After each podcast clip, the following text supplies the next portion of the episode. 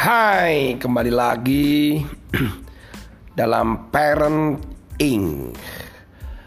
Beberapa waktu lalu ada sebuah kejadian di Indonesia cukup menarik yaitu di mana seorang artis yang mempunyai anak kemudian nama anak tersebut dipakai oleh salah satu fannya untuk anak mereka. Dan itu menjadi ramai karena apa? Karena artis tersebut sampai personal message kepada fansnya dan keberatan apabila nama anaknya dipakai oleh nama mereka. Ada-ada saja memang. Tetapi ternyata di balik sebuah istilah apa arti sebuah nama? Memang nama itu penting. Sebagai orang tua, kita juga memberikan nama kepada anak-anak kita tentunya. Nama yang inspiratif, nama yang mungkin ada satu uh, tujuan, ada harapan kepada anak-anak kita, mereka kita beri nama. Tetapi ada juga yang nama-nama cukup aneh. Yang mana juga saya berpikir bagaimana waktu itu orang tuanya memberikan nama kepada mereka. Contoh, ada yang namanya jas hujan. Ada juga namanya don't worry. Ada juga yang namanya royal jelly. Bahkan juga ada yang bernama Uh, ada lagi namanya ini adalah Tuhan. Oh, begitu. Selamat dunia akhirat. Saya sedang mencari di internet dan menemukan nama-nama yang cukup unik. Ada juga nama Minal Aidin Wal Faizin, Satria Baja Hitam.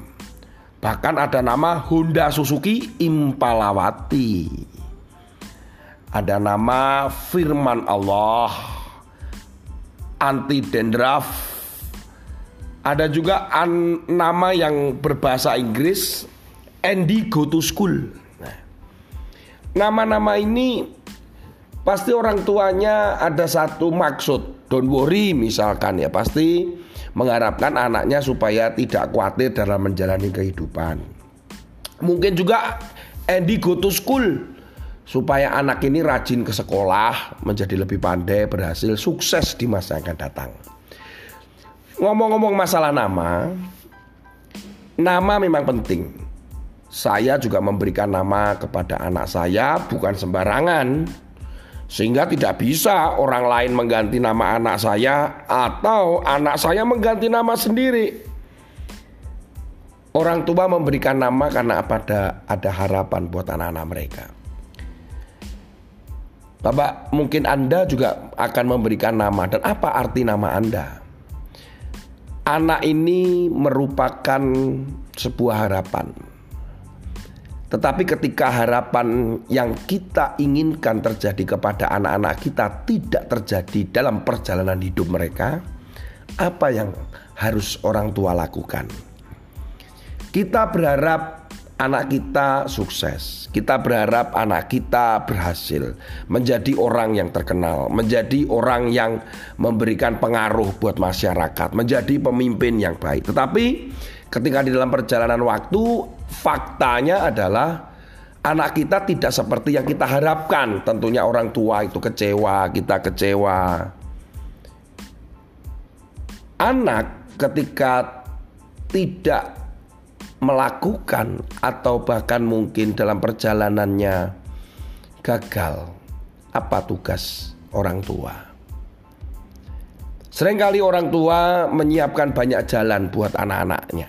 Saya juga menyiapkan jalan buat masa depannya. Sekolah, menyiapkan makanan tentunya yang terbaik, guru les, menyiapkan uh, perlengkapan dia Bahkan mungkin juga orang tua menyediakan investasi-investasi berjaga-jaga apabila terjadi sesuatu pada bisnis orang tuanya. kita sedang menyiapkan jalan. Yang kita lupa adalah kita menyiapkan anak kita untuk bangun dari jatuh. Ketika jalan itu baik, jalan yang kita siapkan sudah mulus. Apa kita rencanakan yang baik untuk anak-anak kita?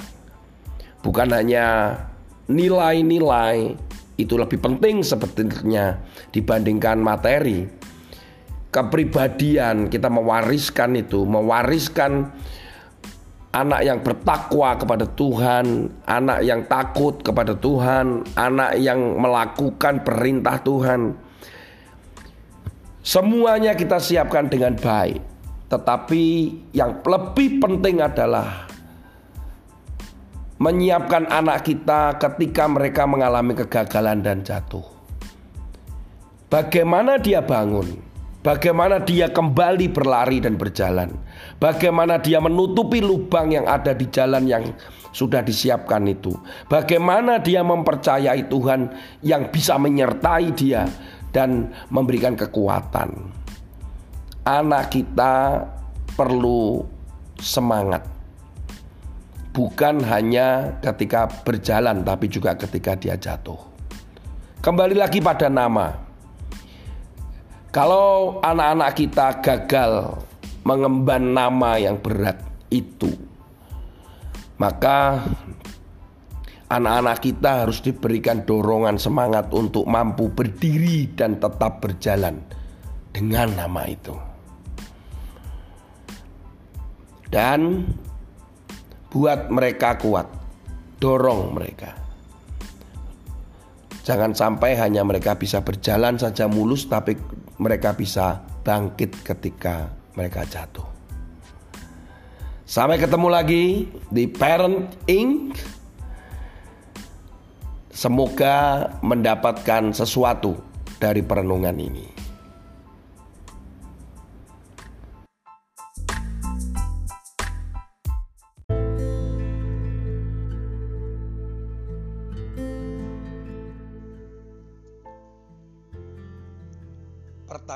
Pertanyaannya mengapa? Ternyata kata tanya mengapa itu sebenarnya sangat besar. Sangat besar dan berguna ketika kita sedang berbicara, berdialog dan bertanya kepada anak-anak kita. Mengapa? Jawaban dari mengapa selalu ada yang namanya alasan Kemudian kita juga mengajar dan kita membawa anak kita untuk berpikir lebih logis. Suatu masalah selalu ada sebab. Ketika anak-anak menghadapi sesuatu atau sedang mengalami sesuatu, atau ketika mengalami tantangan, atau ketika melihat keadaan di sekitarnya atau sekitar kita, pertanyaan mengapa itu sangat mungkin digunakan dan ditanyakan kepada mereka. Mengapa buah itu jatuh dari pohon? Mengapa burung itu terbang? Mengapa lantai ini licin? Mengapa ayam itu tidak bisa terbang sementara punya sayap? Dan begitu banyak kata mengapa, mengapa, dan mengapa.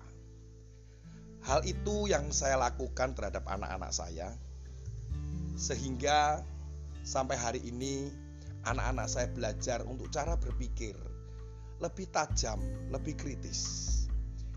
Memang dituntut bagi kita para orang tua untuk juga memiliki jawaban ketika kita bertanya mengapa kepada mereka. Diperlukan sebuah pengorbanan untuk menambah wawasan, diperlukan waktu untuk menambah jawaban. Tetapi percayalah, Ketika kita banyak bertanya mengapa kepada mereka, anak-anak kita tanpa sadar sedang belajar bahwa berpikir kritis dan tajam itu penting. Tidak mudah dibawa pengaruh oleh hoax, berita palsu, berita-berita yang simpang siur selama ini yang ada di sekitar kita. Mereka akan berpikir dengan tajam. Mengapa terjadi kebakaran hutan? Mengapa ada orang jahat? Mengapa kecelakaan terjadi? Maka anak-anak kita juga akan berpikir tajam. Hal yang lain untuk kelanjutannya adalah solutif. Kelak dari kata mengapa dan dia menjawab dari mengapa itu. Cepat atau lambat, kita juga akan segera masuk ke level berikutnya. Bagaimana Bagaimana kita bisa menyelesaikan? Bagaimana kita bersikap? Bagaimana kita bertindak? Bagaimana kita sebagai manusia? Bagaimana kita bisa menolong? Ada banyak hal. Tetapi awalilah dengan kata mengapa lebih dahulu. Sebelum kita masuk kepada level yang lebih berat, yaitu bagaimana. Para orang tua parenting, belajarlah dengan kata mengapa anak kita akan belajar untuk menjawab dengan logika. Dan kelak anak kita akan memiliki cara berpikir yang kritis, tajam, logis, dan tidak mudah dipengaruhi oleh hal-hal yang palsu dan penuh dengan kebohongan. Salam orang tua tangguh.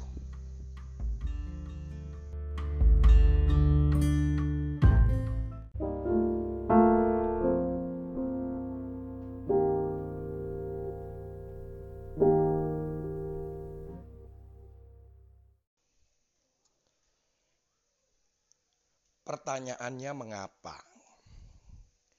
Ternyata kata tanya mengapa itu sebenarnya sangat besar. Sangat besar dan berguna ketika kita sedang berbicara, berdialog, dan bertanya kepada anak-anak kita. Mengapa? Jawaban dari mengapa selalu ada yang namanya alasan Kemudian kita juga mengajar dan kita membawa anak kita untuk berpikir lebih logis. Suatu masalah selalu ada sebab. Ketika anak-anak menghadapi sesuatu atau sedang mengalami sesuatu, atau ketika mengalami tantangan, atau ketika melihat keadaan di sekitarnya atau sekitar kita, pertanyaan mengapa itu sangat mungkin digunakan dan ditanyakan kepada mereka. Mengapa buah itu jatuh dari pohon? Mengapa burung itu terbang? Mengapa lantai ini licin? Mengapa ayam itu tidak bisa terbang sementara punya sayap? Dan begitu banyak kata mengapa, mengapa, dan mengapa. Hal itu yang saya lakukan terhadap anak-anak saya sehingga sampai hari ini anak-anak saya belajar untuk cara berpikir lebih tajam, lebih kritis. Memang dituntut bagi kita para orang tua untuk juga memiliki jawaban ketika kita bertanya mengapa kepada mereka. Diperlukan sebuah pengorbanan untuk menambah wawasan, diperlukan waktu untuk menambah jawaban. Tetapi percayalah, ketika kita banyak bertanya mengapa kepada mereka, anak-anak kita tanpa sadar sedang belajar bahwa berpikir kritis dan tajam itu penting. Tidak mudah dibawa pengaruh oleh hoax, berita palsu, berita-berita yang simpang siur selama ini yang ada di sekitar kita. Mereka akan berpikir dengan tajam. Mengapa terjadi kebakaran hutan? Mengapa ada orang jahat? Mengapa kecelakaan terjadi? Maka anak-anak kita juga akan berpikir tajam. Hal yang lain untuk kelanjutannya adalah solutif. Kelak dari kata mengapa dan dia menjawab dari mengapa itu. Cepat atau lambat, kita juga akan segera masuk ke level berikutnya. Bagaimana Bagaimana kita bisa menyelesaikan? Bagaimana kita bersikap? Bagaimana kita bertindak? Bagaimana kita sebagai manusia? Bagaimana kita bisa menolong? Ada banyak hal. Tetapi awalilah dengan kata mengapa lebih dahulu. Sebelum kita masuk kepada level yang lebih berat, yaitu bagaimana. Para orang tua, parenting, belajarlah dengan kata mengapa. Anak kita akan belajar untuk menjawab dengan logika. Dan kelak anak kita akan memiliki cara berpikir yang kritis, tajam, logis, dan tidak mudah dipengaruhi oleh hal-hal yang palsu dan penuh dengan kebohongan. Salam orang tua tangguh.